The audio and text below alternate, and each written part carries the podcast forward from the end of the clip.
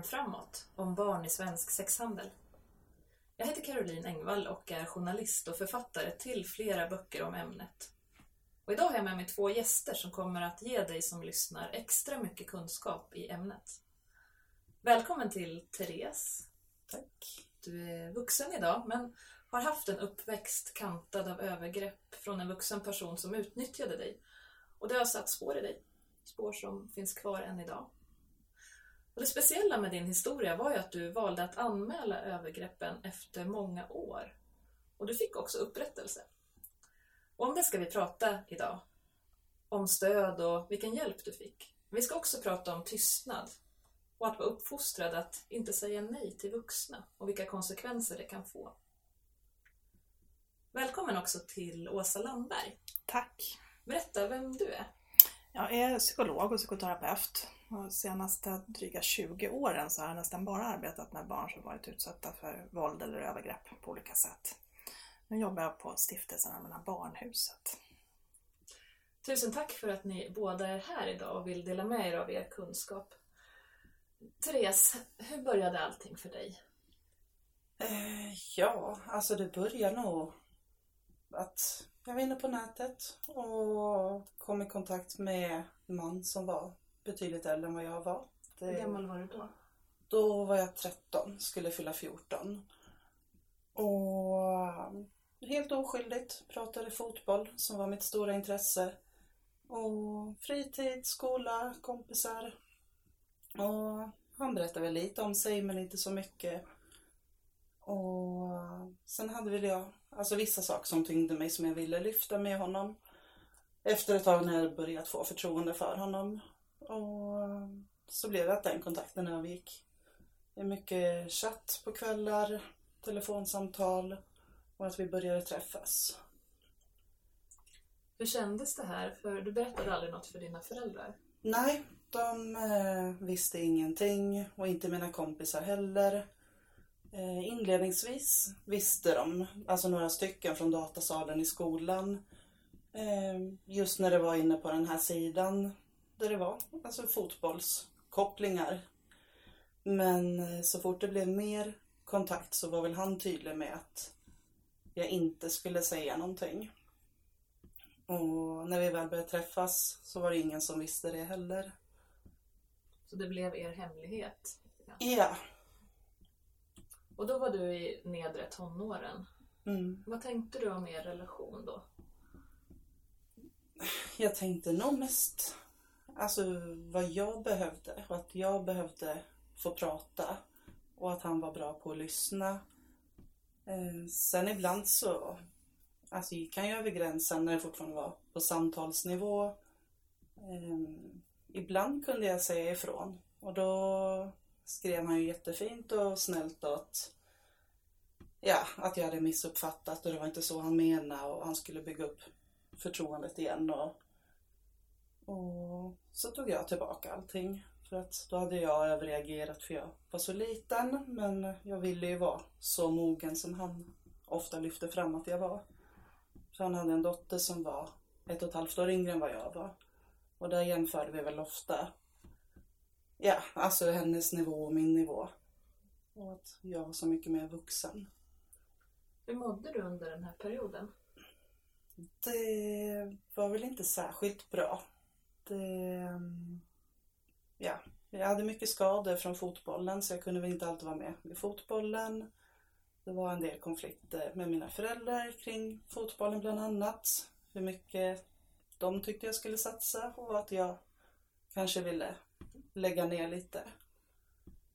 Och ehm, ja, i skolan var det väl, alltså vi hade bytt under högstadiet så att de kompisar jag umgicks med på fritiden gick i en annan skola. Så um, det var väl inte jätteskoj. Hur fortsatte kontakten med den här mannen sen? Det, alltså det blev nog betydligt mer, jag vet inte, intensivt. Alltså både från att bara ha mejlat till att man var uppe hela nätterna. Alltså jag kunde vara uppe till fyra på morgonen och prata i telefon med honom. Och um, samtalsämnena ändrades ju också mycket. Från att ha mina intressen till att han sexualiserar det mesta. Och ja, Och hur kände du inför det? det fanns en nyfikenhet, det gjorde det. Och um, så blev det väl att jag lyfte en del saker som jag funderade kring och som jag hade varit med om. Som jag inte visste helt, det hade inte känts bra men jag visste inte, var det okej? Är det jag som är känslig? Så, um, nej så att det fanns ju ändå alltså intresse från min sida också. Åsa Landberg, du är psykolog och har träffat många barn som har varit utsatta för övergrepp, eh, också på nätet. Vad tänker du om det Therese berättar? Jag känner igen historien på väldigt många sätt. Ja, det, finns ju så, det finns ju så många barn som har det så här. Och, eh, många av dem känner sig också så ensamma. De tror att de är den enda som har det så här. Eh, att, att liksom, det är något speciellt med dem, något fel med dem som gör att de blir drabbade. Därför, när du berättar blir jag också glad att du berättar här för att jag vet hur mycket det kan hjälpa andra som har varit med om något liknande som tänker men så där är det ju faktiskt för mig också. Det finns andra. Det, du sa att du var tyst jättelänge och det, det är ju också något som jag känner igen. Och som jag också vet från stora forskningsstudier. De flesta som är utsatta för övergrepp berättar för någon någon gång. Men sen finns det de som är alldeles tysta. Liksom inte säger något. Eh, men, men när jag träffar barn och tonåringar och frågar dem vad var det som gjorde att du berättade, då är det väldigt ofta just att de har hört om någon annat barn. De har hört någon annan. Och då, då känner de sig liksom trygga och bekräftade och ändå tänker att men det här är ju fel. Så här får man inte göra mot barn. Och sen så vågar de berätta. Och det är det man vill. Therese, vad tänker du om just den här ensamheten och tystnaden som Åsa beskriver? Jo, alltså det känns ju skönt att höra att det ofta är så det fungerar. Mm. Eh, det är ju synd att det är så. Men eh, det är ändå skönt att man inte är den enda som har tänkt så. Eh, Hur var det för dig? från början var det nog inget som jag tyckte att det var värt att berätta så länge det var helt oskyldigt. Men så fort den gränsen hade passerat så blev det så skamfyllt. Så då eh, blev det att jag var tyst av den anledningen istället. Och någonstans så visste jag att andra skulle ju ha synpunkter och åsikter om att jag ville åka ner och träffa honom. Och um, jag vet inte. Sen var det väl tydligt från hans sida också att det inte är någonting man skulle berätta.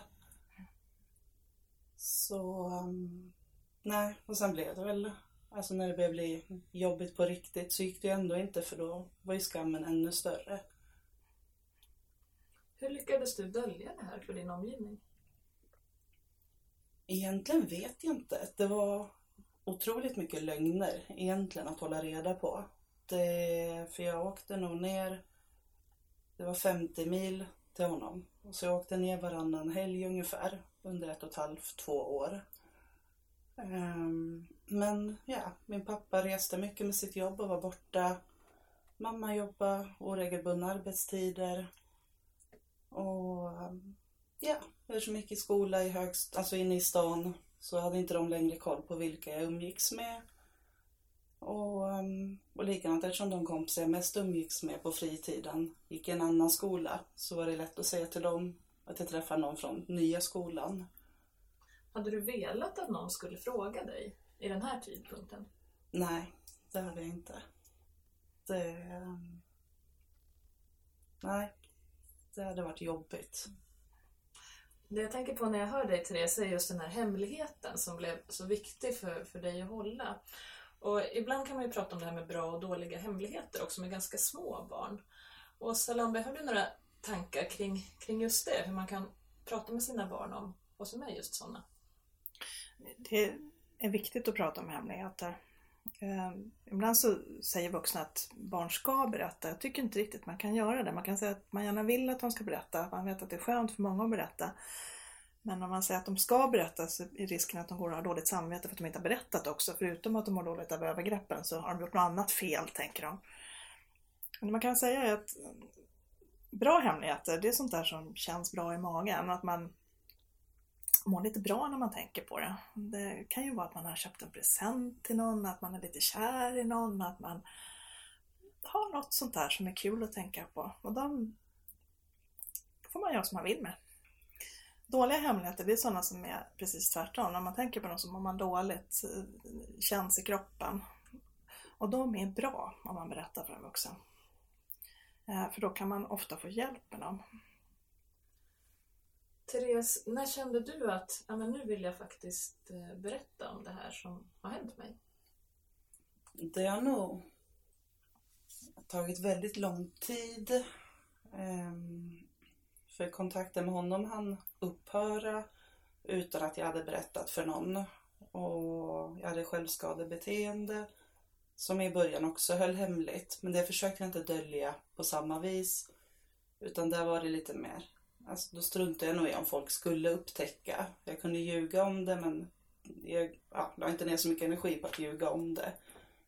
Men ehm, så det blev först, jag gick på BUP för självskadebeteendet. Och när de stängde ner för sommaren så berättade ändå sjuksköterskan jag brukar träffa att, hon, att det fanns någon telefonlinje där hon skulle svara som jag kunde ringa till. Så där var det lättare för mig att inte behöva sitta ansikte mot ansikte och berätta. Utan att, men det var fortfarande väldigt mycket mellan raderna och omskrivningar. Men att där började jag ändå nämna vissa saker. Och, så det var kanske ja, nästan ett år efter att jag slutade träffa honom. Och det var väl någonstans där som jag nämnde för en kompis också. Och det är ju väldigt vanligt att man berättar för en kompis och det ska vi strax prata vidare om. Men jag var bara nyfiken på, eh, du sa att du pratar lite grann mellan raderna, berättade inte liksom hela sanningen. Kan du beskriva hur du försökte signalera att du ändå mådde dåligt? Självskadebeteendet var väl ett sätt. Eh, och fotbollen var väl ändå min trygga plats också där jag inte behövde låtsas inför mina föräldrar att allt var bra. För där skulle jag få följdfrågor. Fotbollen kändes lättare. Att var jag arg så kunde jag vara arg. Eh, vilket en tränare snappade upp också och frågade om. Eh, men eh, jag har glömt vad du frågar. Men just det här med signalerna, att man ändå försöker, yeah. man försöker berätta men det är så himla svårt. Så yeah. man gör det på lite andra sätt. Ja, men så det var väl lite med beteendet men sen blev det väl också det att jag utsatte väl mig själv för ganska destruktiva saker och alltså sex men med mer jämnåriga och det var väl lättare att lyfta den biten. Alltså kanske nämna att ja, någonting på en fest hände när jag hade druckit för mycket. Och att det inte blev bra. Och att jag hade ångest för det. För då kunde jag ändå prata lite kring det i alla fall. Men... Åsa Landberg, vad tänker du om bemötande eh, för de barn som är ungefär som i Therese situation? Att man, man signalerar men man får den här oroskänslan att någonting är fel men man kanske inte riktigt kan sätta fingret på vad det är. Hur gör man då som vuxen? Man fortsätter ha kontakt. Där man fortsätter visa att man är en person som går att lita på, att man gärna vill lyssna. Ehm, sen får man ha förståelse för att, att många barn inte väljer att berätta i första taget och det måste man respektera. Sen ska man naturligtvis fråga. Känner man att, att det här är något som, som är fel så, så ska man fråga.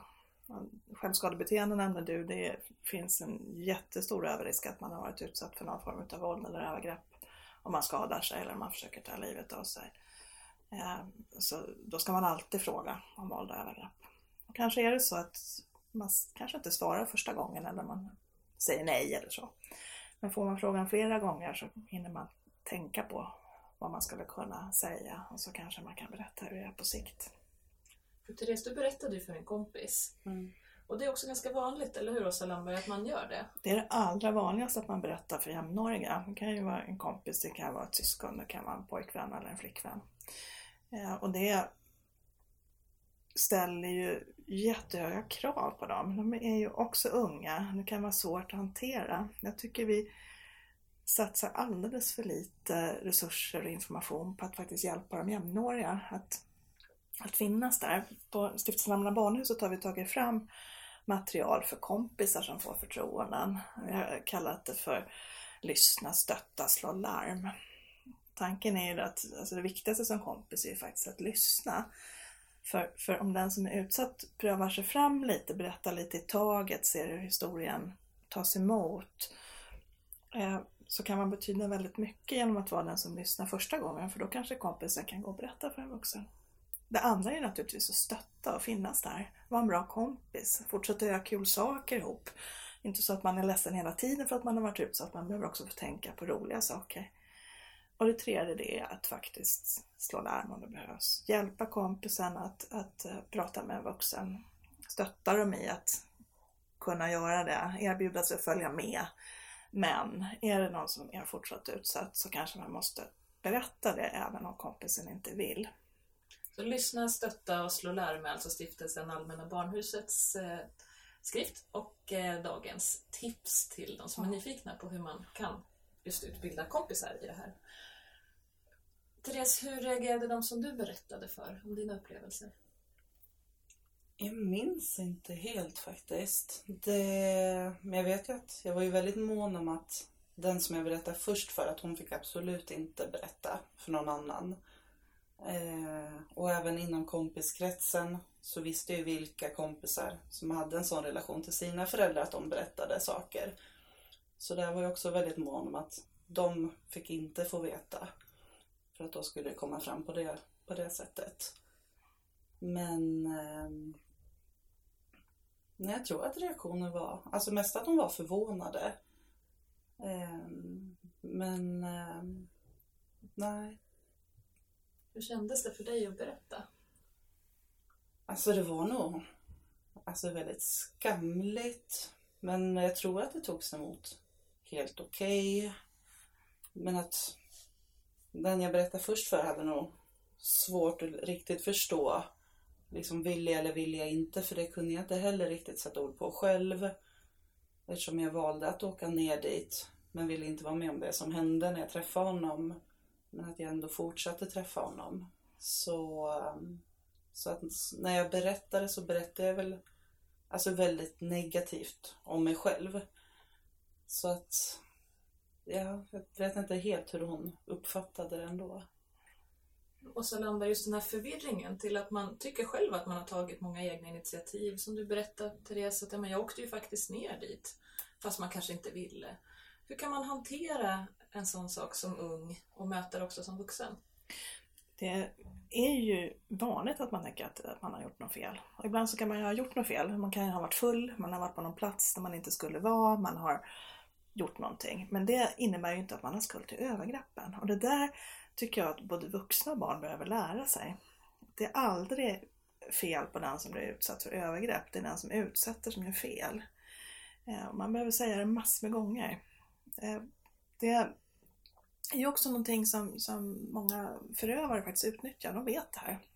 Så de kan också se till att barnet får skuld i det på något sätt. Det tycker jag också att både vuxna och barn borde lära sig. Att, att, att sådana som, som utsätter barn för övergrepp, de luras. De luras, de kan vara smarta, de eh, drar in en i någonting så att man, man sitter fast. Och det behöver man få hjälp att komma ur. Therese, du berättade innan för mig att du är uppvuxen i en familj där man inte ska säga nej liksom, till vuxna. Vad fick det för konsekvenser för dig?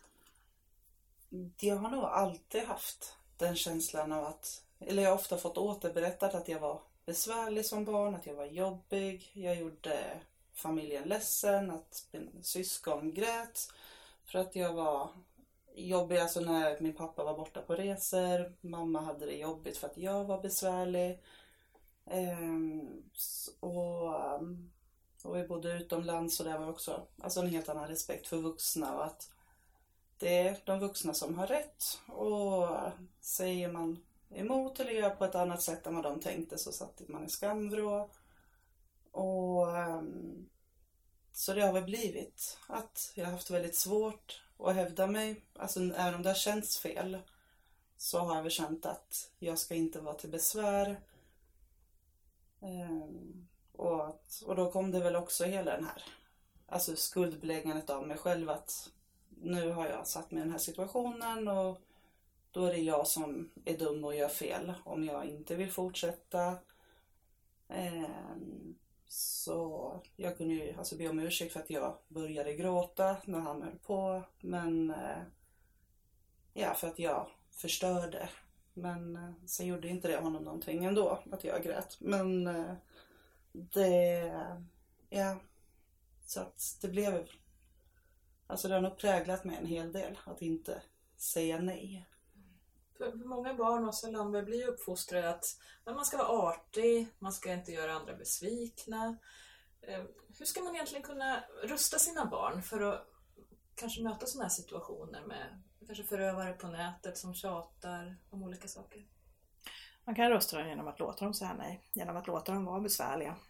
Genom att låta dem styra vem som får krama dem eller vem som får vara med dem på olika sätt.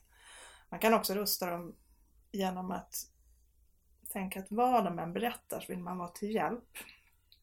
Ett råd som, som jag har fått av barn som, som har varit utsatta det är att vuxna ska inte bli sådär arga om man gör något fel. Jag tänker, har man skolkat eller missat läxan eller gjort något dumt och så får de vuxna hemma veta det och då blir de så arga så man känner att man vill aldrig berätta något igen. Då kommer de ju inte berätta om övergrepp heller. Och det behöver föräldrar fatta. De behöver, det är klart att man ska bli arg på barn ibland, eller man blir det ibland, men de ska ändå känna att föräldrarna är på deras sida och att händer något allvarligt så vill de hjälpa till. Therese, det tog ju många år innan du anmälde de här övergreppen som skedde i tonåren. Kan Mm. du berätta hur, hur det kändes att ta det steget? Att anmäla var aldrig aktuellt egentligen. Jag vet att de på BUP någon gång tidigt frågade om jag inte ville berätta för en polis. Och jag tolkar det mer som att inte anmäla men berätta. För det skulle vara ett annat sätt av att gå igenom detaljerna. Och det ville jag inte så då släppte vi det. Så det stora har nog varit om jag ska berätta för mina föräldrar eller inte. Ehm, och sen har jag gått till alla möjliga psykologer under många år. Och ehm, jag har väl alltid haft svårt för att komma fram till vad jag skulle kalla det, alltså vad det var jag hade varit med om. Ehm, för att det alltså var tvång men så var jag ändå där frivilligt och sen ja, jag höll på fram och tillbaka med vad det kunde kallas. Så en psykolog jag träffade tyckte väl att jag skulle liksom ringa någon inom Polismyndigheten och fråga och liksom bolla just det juridiska. Och vi pratade lite just om, ska jag berätta eller inte för mina föräldrar? För det hade jag inte funderat på på många år när jag träffade henne. Men eh, så blev det till slut när jag var färdig med mina besök hos den psykologen så landade jag i att jag ändå ville berätta för mina föräldrar. Så då var jag nog 26 tror jag. Ehm, så skickade jag ett brev till dem. Där jag förklarade i väldigt grova drag vad det var och varför jag alltid har haft de problem jag har haft för de jag känt till. Alltså jag har mått dåligt men aldrig orsaken till det. Och, eh, så där var det faktiskt mamma som överraskade att, och tyckte att jag skulle anmäla utan att veta detaljer egentligen. Men eh, så då blev det så. Jag tycker du beskriver det så fint, det här hur, hur det har gått över många år och du har funderat och så ofta tror människor att det här att avslöja det händer en gång när man anmäler. Men i själva verket så är det något som börjar när man kanske börjar signalera, visa att man inte mår bra, kanske berätta lite grann för någon, berätta lite mer för någon annan när man blir väl mottagen. Så småningom kanske det kommer till myndigheternas kännedom eller polisen men det är inte säkert att man berättar allt i polisförhöret heller. Utan då fortsätter man avslöja lite grann. Och då är det inte slut ändå. Även om det skulle bli rättegång och dom så är det inte slut. För sen ska man under resten av, av livet kanske fundera över vem man ska berätta för sen. Ska man berätta för sin pojkvän? Ska man berätta för sina föräldrar? Ska man berätta för sina arbetskamrater? Ehm, och hur mycket ska man berätta för olika människor? Finns det några generella råd att ge där? Jag tycker att det är väldigt få barn och ungdomar eller unga vuxna då som berättar om barndomen som har sagt att de ångrar att de berättar. Även om de inte har fått den hjälp de ville, även om de kanske har råkat ut för skitsnack eller ryktesspridning eller så, så är det väldigt få som säger att de ångrar. Eh, och när de ska ge råd till andra barn så säger de ofta att, ja men berätta. Då kanske det dröjer tio år innan de själva berättar, liksom, men berätta. Eh, och det tar jag fasta på att de allra flesta tycker att det är väldigt skönt att berätta. Men man berättar själv vem man vill berätta för och hur mycket man berättar. Vad tänker du Therese om det som Åsa säger?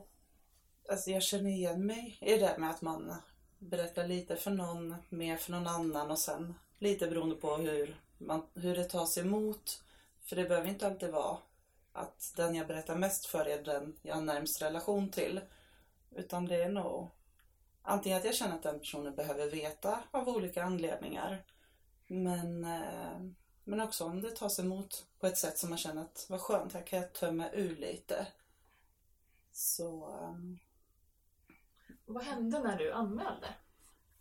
um, ja, själva anmälan var nog det enda som inte var bra. Hon som tog emot anmälan var inte trevlig. Men eh, och ifrågasatte både den långa tid som hade gått och att hon trodde inte att det skulle funka med preskriptionstid. Och undrade varför jag hade väntat och undrade varför jag anmälde i den stad jag anmälde för det var varken där jag själv hade bott när det hände och inte där han heller bodde. Eh, och sa mest att det, du kommer väl få ett brev så småningom att det inte tas upp. Men eh, sen hörde de av sig några månader senare. Eh, ja, från den polis, alltså i stan där han bor, som hade tagit upp det. Och då hade de väl ganska bråttom för det var ett halv, nej vad var det? Våren, några månader innan jag skulle fylla 28. Och det var ju när jag fyllde 28 som preskriptionstiden skulle gå ut. Så... um, Och preskriptionstid kan man ju bara förklara att det är ju ett juridiskt begrepp som alltså det betecknar ju att de rättsliga följderna då liksom upphör efter en viss tid efter att brottet har inträffat. Mm. Och i ditt fall var det tio år. Tio år från att jag blev myndig. Eftersom jag räknade som barn när det hände. Så um, då fick jag komma in till polisen i stan där jag bodde. Och sen blev jag erbjuden ett målsägande beträde som eh, var jätterar på alla sätt och vis.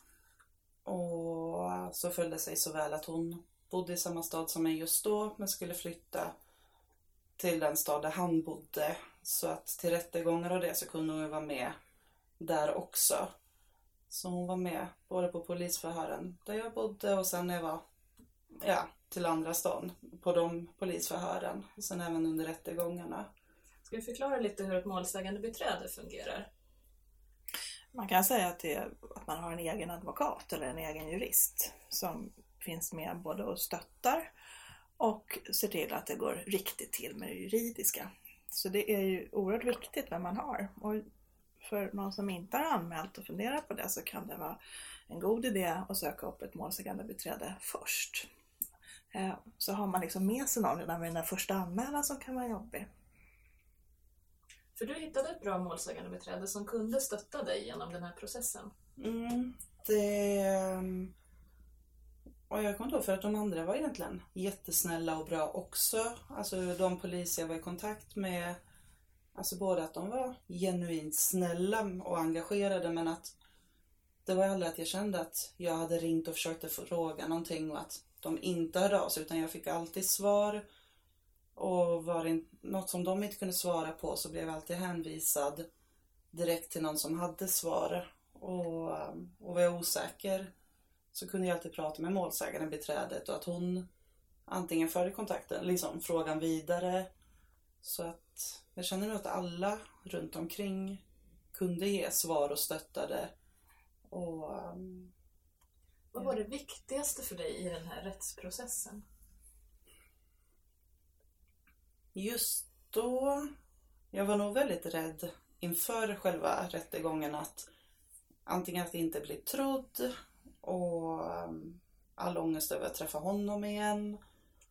Men um, nej, det, eh, jag vet inte, alltså under själva rättegången var det väldigt skönt att även domaren alltså visade från början att, alltså nu kanske inte han skulle ta ställning så, men att till mig ställde han väldigt, alltså även irrelevanta frågor men om helt andra saker som fritidsintressen bara för att vara lite snäll och eh, och frågade alltså, vad heter, hans advokat, eh, försvars, ja, eh, var han tjatig med någonting så markerade domaren väldigt snabbt eh, att jag hade svarat på frågan och eh, men medan det var hans tur att berätta saker så var de alltså väldigt sarkastiska eh, alltså lite spydiga nästan mot hur han förklarade saker.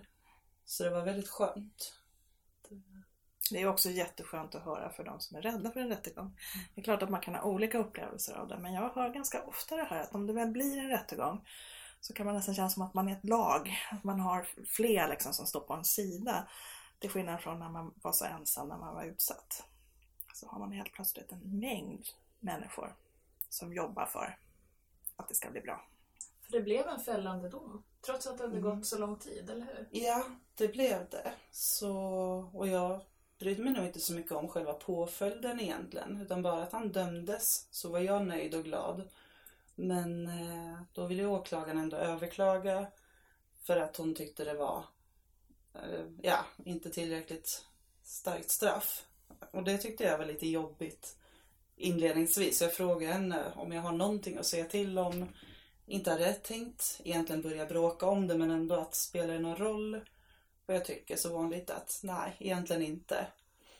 Det, så då kände jag att jag vill ändå behålla den där känslan av att ja men nu fick jag ju rätt, kan jag inte bara få känna så? Och att det, ha det på papper att jag hade rätt, att det var han som gjorde fel.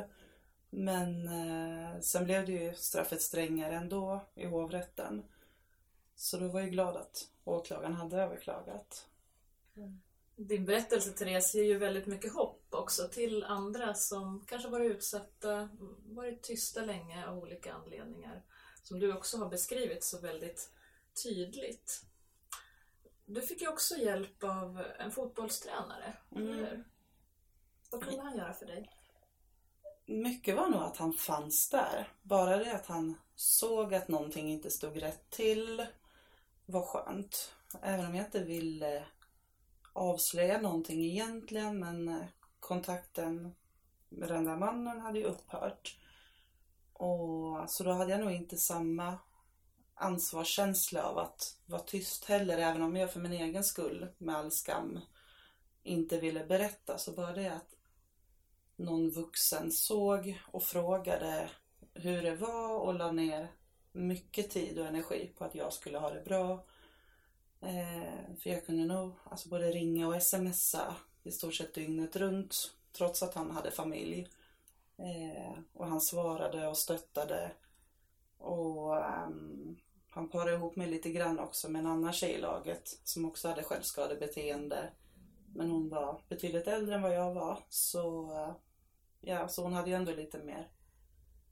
Ja, hon kunde ju ändå behärska sig i vad hon berättade för mig för att jag inte skulle gå loss ännu mer. Men, uh, så det var också skönt att inte vara ensam i det.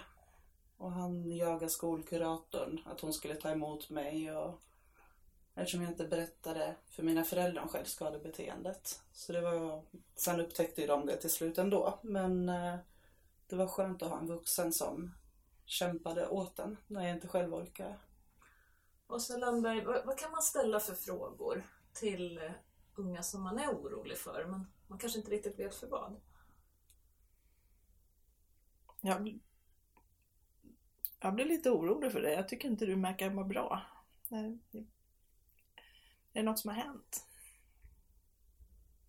Ibland när, när tonåringar eller barn mår dåligt så är det någon som har gjort dem illa. Det kan ju vara någon som har mobbat dem, som har slagit dem. Det kan vara någon som har utsatt dem för övergrepp.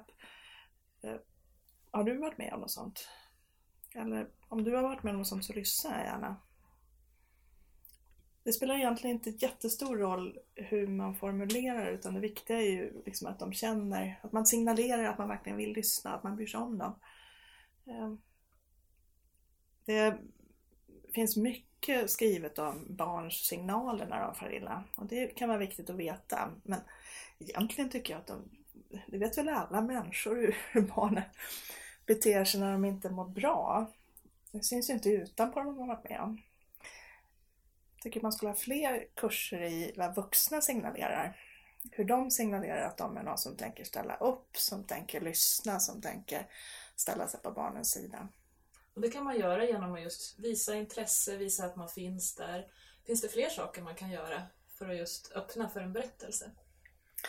Jag tycker att det är viktigt att om barn kommer med bekymmer, att man försöker hjälpa dem med det. Det kan ju vara sånt som man inte tycker är så stort själv som vuxen alla gånger. Men om man hjälper dem med små enkla saker så kanske de kommer med de stora problemen också. Men sen behöver man också säga att jag vill gärna veta. Jag vill gärna hjälpa till. Therese, du är ju vuxen idag. Mm. Vad tänker du när du tänker tillbaka på den 13-åriga Therese? Det är väldigt blandat. Alltså en del av mig kan bli ledsen att det blev som det blev. Och eh, samtidigt så ordnar sig ju allting till slut ändå. Så eh, nej, jag kan nog tycka, inte tycka synd om men ändå vara ledsen för den 13-åriga Therese. Men sen liksom när det var som värst mitt i, några år senare, då kan jag ändå känna att det var skönt att saker blev ändå bra. Hade det funnits någon person, när du tittar tillbaka på det i efterhand, som hade kunnat plocka upp dig och som hade kunnat se dig? Att du hade kunnat få hjälp tidigare? Det är inget sånt solklart exempel. Sen fanns det väl säkert små bitar här och där. Men eh, mina föräldrar ställde ju många frågor men de ställde ju inte frågor kanske just om övergrepp. Och där tror jag inte att jag hade sagt någonting heller, även om just den frågan hade kommit. Ehm, det är möjligt att de frågade om någon hade gjort mig illa, men eh, det tyckte jag inte för jag tyckte att jag själv har gjort mig illa eller att det är jag själv som har utsatt mig för saker. Så att frågan om någon annan har gjort något så tyckte jag helt ärligt att nej, ingen annan har gjort mig illa, det är jag. Ehm, men sen, nej, det... Det fanns nog många tecken. Men inget sånt där jättetydligt. Har det här gett dig andra perspektiv på ditt liv? Allt det som du har varit med om? Det har ju präglat mig mycket. Och um, jag jobbar ju med barn idag. Och där blir det väl också att jag utgår från mina erfarenheter och vad som har format mig. Att, så blir det ju lite motsatt effekt. Att jag vill att barnen ska krångla. De får jättegärna säga nej. Och att jag försöker förklara, för vissa gånger måste, måste ju vissa saker göras, men att då verkligen förklara varför det är så. Um, så att ja. Hur mår du idag? Det är ganska bra. Mm. Vad härligt att höra. Jag är otroligt tacksam att du, Therese, har velat vara här och berätta om dina erfarenheter och att du ändå sitter här idag och eh, kan hjälpa andra genom att visa att de inte är ensamma. Och att det kan finnas hopp också i en rättsprocess trots att det har gått många år. Så tusen tack till dig och tack också till Åsa Landberg, psykolog, för dina kloka råd till lyssnarna. Jag heter Caroline Engvall och du har lyssnat på podden Vägen framåt. Ah, ah, ah,